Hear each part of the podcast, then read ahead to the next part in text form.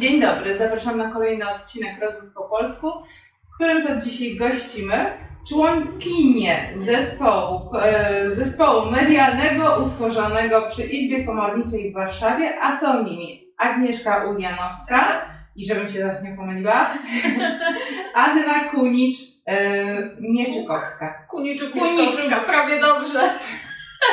Okej, mam nadzieję, że mi wybaczysz. to. Oczywiście. Super, to w takim razie będziemy mogły przejść dalej. A zaczynamy od razu od pytania.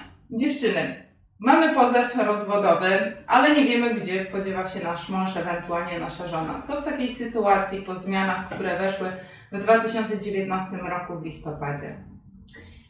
Mocą nowelizacji listopadowej właśnie z 2019 Mhm. roku e, została zniesiona fikcja doręczeń pozwów i obecnie w momencie, gdy sąd zobowiązuje powoda e, do tego, aby doręczyć e, pozew pozwanemu, Mhm. należy udać się do komornika i ten na zlecenie sądu i nasz wniosek może dokonać doręczenia takiego pozwu.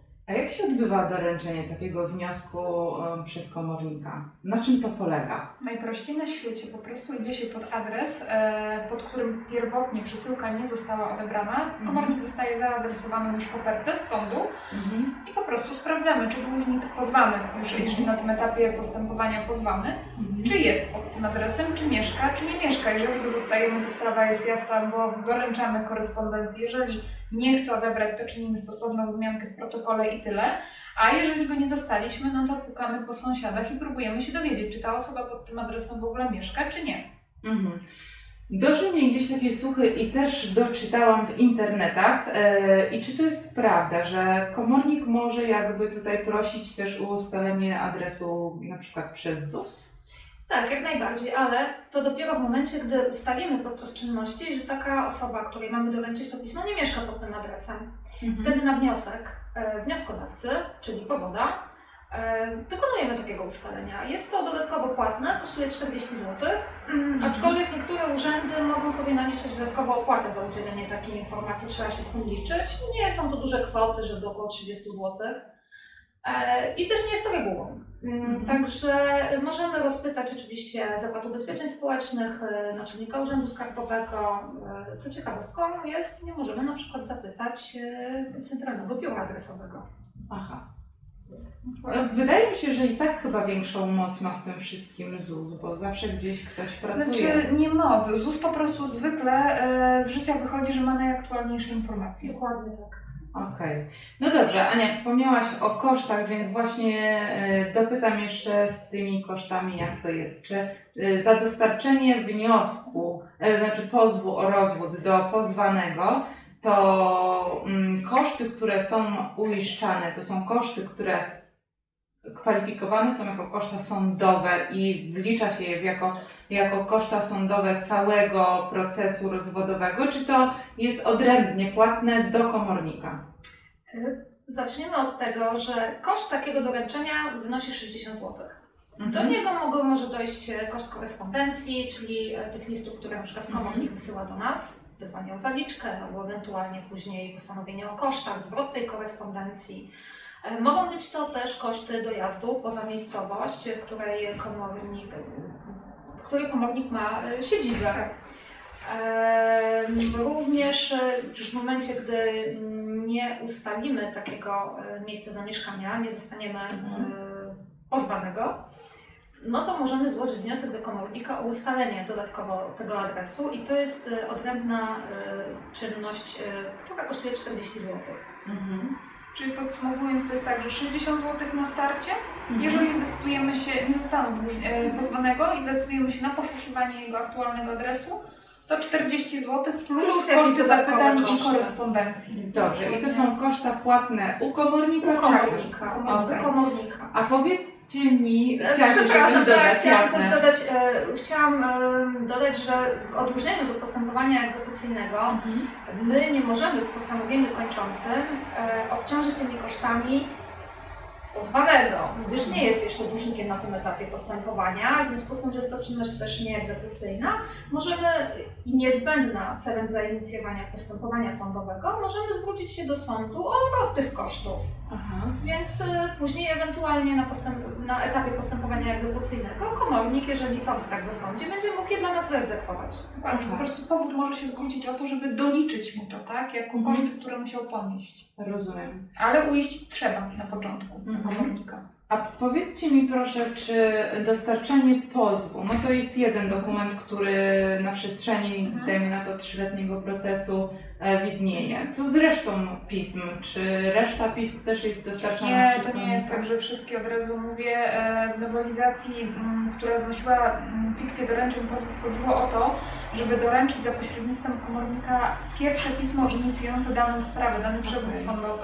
Tylko to odbierze, nie odbierze, e, ustalimy adres bądź nie, ale nie robi się tak absolutnie ze wszystkimi pismami, no, no bo to by wtedy w ogóle było nierealne prowadzić postępowanie sądowe. To już No. naprawdę trwałoby w dziesiątkach lat chyba. Chyba tak. E, Patrząc, że te, teraz też to parę lat trwa wszystko. Dobrze, a powiedzcie mi e, takie pytanie. Kiedy i z czym jeszcze możemy przyjść do komornika, rozwodząc się i posiadając dzieci? Czy tylko e, z wyrokiem, czy z zabezpieczeniem alimentacyjnym też? I czy to dotyczy te, także alimentów na małżonka? Jak już sama wspomniałaś, możesz przyjść do komornika z tytułem zabezpieczenia i nie ma znaczenia, czy będzie to zabezpieczenie tylko na dziecko, czy również na małżonka, czy tylko na małżonka. Okej, ale czy do tego e, postanowienia muszę mieć klauzulę wykonalności? Tak, jak e, do każdego tytułu, poza jednym wyjątkiem, e, musi być nadana klauzula wykonalności. Jakiej, a jaki jest wyjątek? Wyrok nakazowy w postępowaniu nakazowym. Ale to alimentów nie to dotyczy. nie Tutaj Zapytam nie będzie. ciekawości. Nie, natomiast na postanowienia musi być klauzula nadana. Jak taką klauzulę mamy uzyskać? W alimentach sąd nada z urzędu.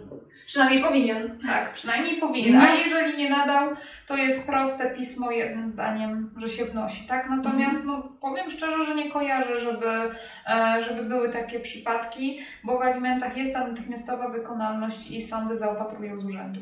Okej. Ja miałam taką sytuację, że przyniesiono mi taki tytuł bez klauzuli. Widocznie było to jakieś drobne przeoczenie, ale sąd I bardzo szybko się zreflektował i w ciągu dosłownie kilku dni ta klauzula Mhm. została nadana. Tak, ja, ja miałam taki swój osobisty przypadek, że żeby y, uzyskać klauzulę wykonalności, to musiałam złożyć wniosek do sądu e, i wtedy została mi ta klauzula nadana i musiałam ją dostarczyć do komornika. No i właśnie, co jeszcze potrzebujemy mm, dostarczyć do komornika? Idziemy do komornika i mówimy, że no mam zabezpieczenie alimentów Mhm. na siebie czy tam na dzieci, e, to co ja muszę Wam dać, żebyście Wy mogły rozpocząć pracę? Tak naprawdę oprócz tytułu zabezpieczenia, w tym Mhm. wypadku wniosek egzekucyjny wypełniony. I wniosek, no to już jak komu wygodniej, albo u komornika na miejscu, Mhm. zawsze komornik może wydrukować. Jeżeli trzeba, to oczywiście pomoże wypełnić, tylko tutaj no, nasza, myślę, gorąca prośba i wszystkich innych komorników, żeby przychodzić e, wtedy na godziny przyjęć interesantów. Mhm. E, a jak nie, no to spokojnie można wydrukować z internetu. Ja już też to kiedyś mówiłam mm, u siebie, tak, e, na filmiku o wnioskach egzekucyjnych. Nie ma jednego odgórnie narzuconego szablonu wniosku egzekucyjnego. Tutaj w przypadku alimentów po prostu wrzucamy wyszukiwarkę, że wniosek egzekucyjny w sprawie o alimenty, bo on się będzie trochę różnił od takiego normalnego wniosku egzekucyjnego w takiej zwykłej, standardowej sprawie. Ale jest jakie- jeszcze jedna tak? kwestia, mianowicie pełnomocnictwo. Jeżeli e, upoważniony, uprawniony do alimentów, tudzież do zabezpie- kwot zabezpieczonych w postępowaniu zabezpieczającym działa przez pełnomocnika. Czyli na przykład pełnoletnie dziecko chce, Mhm. aby to jego matka go reprezentowała. Musi być takie pełnomocnictwo. Aha, I tak samo w przypadku e, profesjonalnych Tak, pełnomocników. to radców profesjonalny to, to adwokatów. zadba, tak, bo da pełnomocnictwo do podpisania. Natomiast faktycznie, jeżeli e, czy e, przy wszczęciu, czy nawet w toku postępowania już komornika e, małoletni skończy te 18 lat, przestanie tym małoletnim być, no to od tego momentu co do zasady ma prawo reprezentować się sam, więc albo od początku e, nawet osoba, która skończyła już te 18 lat chce być reprezentowana przez rodzica, to pełnomocnictwo, nie ma żadnego w problemu. toku postępowania, jeżeli A jeżeli w toku to 18 postępowania tak, to albo składa pełnomocnictwo, żeby dalej reprezentował rodzica, albo reprezentuje się sam od tego momentu. To ma ciężkie życie. Chwila przerwy była na reklamę. Przypomniał o sobie. A no właśnie, bo zapomnieliśmy przedstawić, dzisiaj nam tutaj asystuje e, zwierzątko piękne, zresztą pies bardzo, tak, o imieniu Wajder, Wajder, Wajder. powiedzieć. Bader jest to znany pierwotniak. Ja myślę, że e, moi e, obserwujący już się wcale nie zdziwią, bo jest gwiazdą mojego Instagrama. ale jest przecudowny normalnie, taki spokojny. Wracając, bo żeby nam się tutaj wątki nie pou- pourywały, pełnomocnictwo. Czy to pełnomocnictwo może być zwykłe, czy musi być notarialne? Czy od tego pełnomocnictwa musimy wnieść opłatę, y, czy nie? Może być zwykły. Zwykłe, zwykłe. Chyba, że jest to profesjonalny pełnomocnik, ale to już pełnomocnik tutaj, jeżeli chodzi o, o koszty e, reprezentacji, zastępstwa, współpracy z tym pełnomocnikiem, no to po prostu jak to w życiu idzie się do adwokata czy doradcy i z nim się trzeba normalnie porozumieć, tak? Mhm, rozumiem. No dobrze, tak sobie myślę, że to i tak jest sporo informacji jak na takie jedno spotkanie, więc e, podzielmy je sobie, żebyśmy i my mogły odetchnąć, i nasi widzowie, bo myślę, że jak przejdziemy do drugiej części, to wtedy będzie no, wszystkim łatwiej to zrozumieć, przetrawi, przetrawić. Ja, ja to się zawsze śmieję, że w momencie, kiedy ktoś mi daje pismo, ja je czytam, następuje 24 godziny na konwer, konwersa, nie konwersację, przekonwertowanie sobie tych e, rzeczy, które przeczytałam, na, na to, żeby je zrozumieć, a później jadę dalej. Więc myślę, że na chwilę obecną nam to wystarczy i wrócimy do odcinka za niedługo.